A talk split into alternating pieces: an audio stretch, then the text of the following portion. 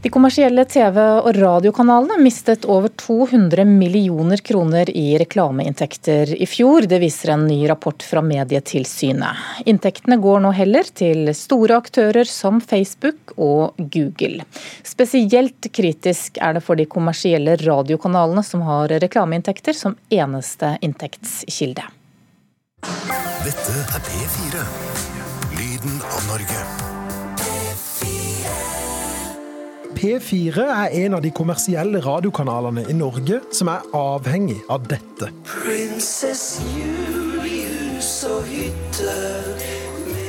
De kommersielle nasjonale radiokanalene eh, har jo reklameinntekter som eneste inntektskilde. og Da er det klart at de blir spesielt sårbare for fall i reklameinntekter. Det sier Mari Welsand, direktør i Medietilsynet. Ja, For i en ny rapport forteller Medietilsynet om en dramatisk utvikling i reklameinntektene til de kommersielle radio- og TV-kanalene i Norge.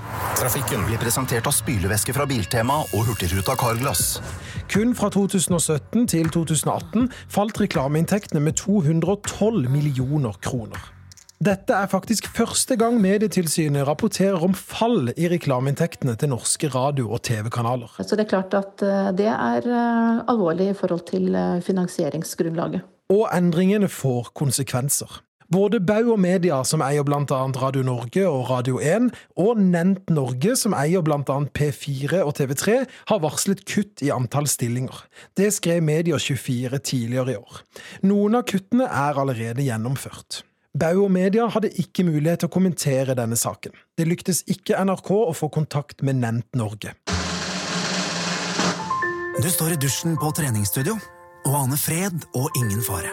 Men hvorfor sliter de kommersielle radio- og TV-kanalene plutselig med å få annonsørene med på laget? Hør etter når Knut Kristian Haugård i bransjenettstedet Kampanje forklarer. Det er et fall i seingen på det vi kaller de lineære TV-kanalene. Det lineære TV-tilbudet er jo det sentrale i forhold til TV-reklame. Når folk ser mindre TV, så blir annonsørene mer usikre, og de flytter da pengene over på nye plattformer. Facebook og Google f.eks. Hva med radio, da? Ja, Radiomarkedet er litt spesielt. Det har nettopp vært gjennom en eh, ganske dyptgripende teknologisk endring da vi, bransjen skrudde av FM-signalene og gikk over til DAB. Det har nok gjort mange annonsører usikre, og det er nok mye av grunnen til at vi ser det fallet i radiomarkedet som vi nå ser. Kan dette på sikt uh, gå utover tilbudet til publikum? Ja, altså På lang sikt så er det jo en utfordring at så mye penger forsvinner fra de tradisjonelle norske mediene til de internasjonale store teknologigigantene. Vi snakker jo nå aktører som tar nærmere 7 milliarder kroner i reklamepenger fra norsk tradisjonell medieindustri. Det er penger man hadde tidligere til å bruke på innhold, som nå forsvinner eh, over dammen, for å si det sånn. Og hvis den utviklingen der fortsetter, så kommer nok Facebook, Google, Snapchat til å ta nærmere halvparten av de 20 milliardene eh, kronene som da det norske reklamemarkedet består av. Det fortalte Knut Kristian Hauger i Kampanje. Reporter var Christian Ingebretsen. Det å finne sin dobbeltgjenger på nett det er blitt eh, populært. og Sosiale medier gjør jo det nå mye lettere. Både det å finne og ikke minst vise frem sin dobbeltgjenger gjennom forskjellige apper. da. Og På nrk.no så har vi laget en eh, liten nettvideo der bl.a. skuespilleren Kristoffer Hivju kjent fra Game of Thrones og Twin. Han møter sin dobbeltgjenger, og det er et kostelig møte. Steffen Krüger, førstelektor eh, ved Universitetet i Oslo, god morgen. God morgen. Hei. Hvorfor er det så mange som er opptatt av dobbeltgjengeren sin? Ja, hvorfor er det det? Altså, um, man kan gå tilbake til psykoanalytisk teori, og um, det er jo en tekst av Sigmund Freud, 'Det uhyggelige', hvor uh, Freud snakker om dobbeltgjengere og, og den uh, psykiske funksjonen de tar. Og da er det en, altså På den ene siden har du, altså, er dobbeltgjengere en trussel for individualiteten. Så det er kanskje et, um, en lek med, med, faren, faren om å bli erstattet. Og på den andre siden um, har dobbeltgjengere også en veldig trøstende og håpefull funksjon. At hvis du finner en der ute som er akkurat som deg, så har du også funnet en søsken du ikke visste om. Ja. Men, men hva, hva, er det liksom den fascinasjonen for folk? Hvordan, hvordan kommer den til, til uttrykk? altså nå På sosiale medier er det jo selvfølgelig uh, det teknologiske som gjør det mulig at man nå kan lete etter sin dobbeltgjenger. Ansiktsgjenkjenning, rett og slett? Ja. Um, deep uh, neural networks som um, um, er basert på en database med millionvis av ansikter, um, som kan forhandle hva som likner akkurat deg. Og sosiale medier er jo akkurat sånn giret på å skaffe materiale, kuratere materiale som er akkurat for deg personlig. For mm. deg som individ. Sånn.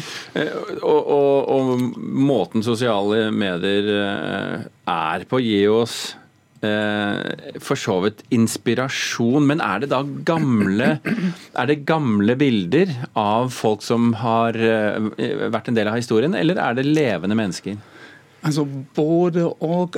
Den appen jeg har prøvd, var Google Arts and Culture, um, som har en funksjon av Take your art selfie, så tar du, en, så tar du et bilde av deg selv. Og så um, går Google gjennom en database og presenterer deg um, portrets gjennom um, kunsthistorien som uh, ligner deg på mm. forskjellige måter og på forskjellige grader. Ja, ulempe for oss to som har briller, da? Ja, ja men det finnes en god del portretter også av folk gjennom de århundrer som har også hatt briller. Hva var resultatet for ditt vedkommende, da? Um, altså jeg fant et, uh, en ganske um, plausibel dobbeltgjenger uh, på et bilde fra uh, et maleri fra 1984. Og da fant jeg meg som en asiatisk versjon, sånn på venstre bildekanten. Ja, og, og, og hva fikk det deg til å føle? Ja, altså Det er virkelig leken. Ja. ja. Um, og det er, altså det er en, en, fin gjenkjennelse. Altså Det var den plausibleste jeg fant. Og så er det jo sånn familieromantisk motiv hvor man tenker sånn Å ja, det kunne ha vært meg. Eller det kunne ha vært min storebror. Eller faren jeg ikke visste om. ikke sant? Min, altså, en, oh, da, ja. Ja en hemmelig far. Men da går så, vi liksom da, inn, litt inn i det eksistensielle området, ikke sant? ja, men hvis man, hvis, man, hvis man, satser på psykoanalyse, så er man fort inn i det eksistensielle. Men du ringte ikke din mor? Nei, nei, gjorde det ikke. Gjorde det ikke. Nei, ok. Steffen Krüger ved Universitetet i Oslo, takk for at du var med oss her i Nyhetsmorgen. Takk det samme.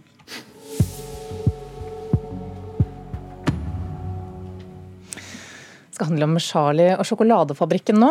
Roald Dahl skrev jo denne fortellingen i 1964. Siden er den blitt filmatisert to ganger og laget musikal av. Og I helgen så hadde denne musikalen norgespremiere ved Det Norske Teatret i Oslo, i regi av Vidar Magnussen. Vi hadde aldri drømt at vi skulle få sjansen til å bli de frankeste fuglene i det fri. Livet er godteri, for vi har fått gullbilletten. Vi har en gyllen sjanse her i dag. Og med gullbillett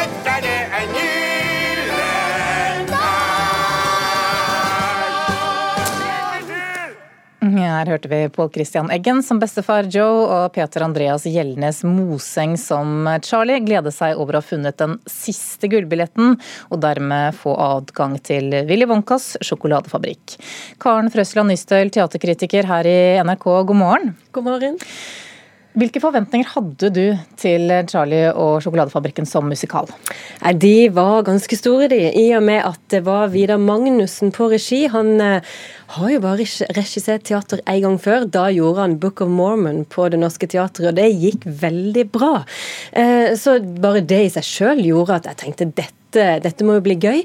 Det Norske Teatret er ofte en fin boltreplass for sånne store historier som dette, med en diger scene og eh, ja, det er så god plass å gjøre ting på, da. Så er det kjent og kjært materiale for både voksne og mange barn. Det er mange morsomme figurer i boka.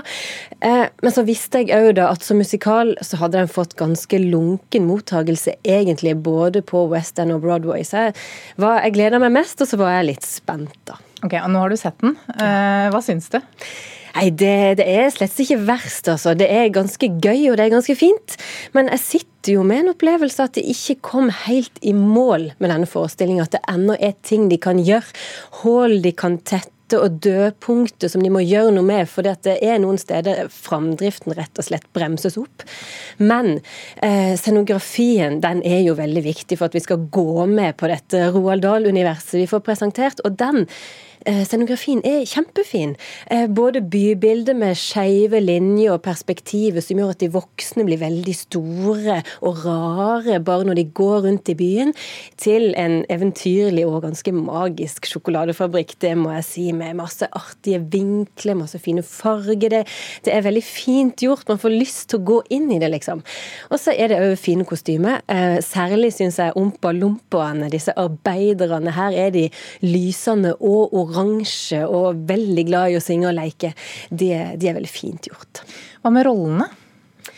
Charlie er helt, helt nydelig. Og det er så kjekt, for det er ikke en enkel karakter å spille. Charlie er jo bare snill, sant? Men her eh, Han er jo ikke en ramp på noe som helst måte. Det er det de andre ungene som blir med inn i fabrikken, som er. Men her, her danser han så mye. Han blir liksom kul i tillegg til å være snill. Så da knytter jeg merker at jeg knytter meg fort til han. Jeg trodde fort på han. han eh, Charlie-karakteren. Det er en som vi virkelig tror på i denne forestillinga. Og det er viktig. Det er viktig å plassere Charlie Charlie. Det er viktig å plassere bestefar Joe, at det fellesskapet Charlie kommer fra det stedet han hører til. At vi tror på det, at vi tror på utgangspunktet hans for denne ja, for at han får oppfylt sin på en måte amerikanske drøm, som han da gjør med denne gullbilletten. Um, så er jo alle de morsomme karakterene på plass, og stort sett veldig godt spilt. Det eneste er Willy Wonka, da, som ikke er Jeg tenker at her må de gjøre noe mer, for det er der det bremser opp. Eh, altså Willy Wonka er jo en fantastisk karakter. Han er så uhåndgripelig og rar. Men alt det rare ved han ligger i stor grad i teksten, som synges, og det går så fort. Og melodiene er så kompliserte noen ganger, og barn, og jeg òg, får ikke alltid med meg eh, det som blir sagt. Alle lag i teksten og sånn, det forsvinner i ganske stor grad. Og da står plutselig Willy Wonka alene og har masse lange numre han skal fylle med dans og sang. og og det blir litt tomt. Eh, de må gjøre noe der for å tette det igjen. Det er der det stopper opp. Selv om eh, Fridtjof Stenseth Josefsen, så spiller Willy Wonka kjempefin timing, han synger godt, han har god bevegelighet på scenen, så er det der de er nødt til å, å gjøre noe med forestillinga. Men hva med regissør eh, Vidar Magnussen, hva, hva, hva, slags jobb har han gjort? Ja, Han har gjort det morsomt, han har gjort mye fint òg, men jeg merker at humoren er faktisk ganske mye til de voksne. Det er mye de voksne som ler, mens barna sitter på tuppen av stolen og følger med. Så noe har han jo absolutt truffet med. Men jeg savner litt galskap av den typen som vi så i TV-serien Magnus. At det plutselig det kommer plutselig inn en, et romvesen som virrer rundt og ikke vil gå hjem. Og da tenker jeg mer av det. Mer av det som kan overraske i en kjent fortelling. Skal du ha, Karen Frøsland Nystøl.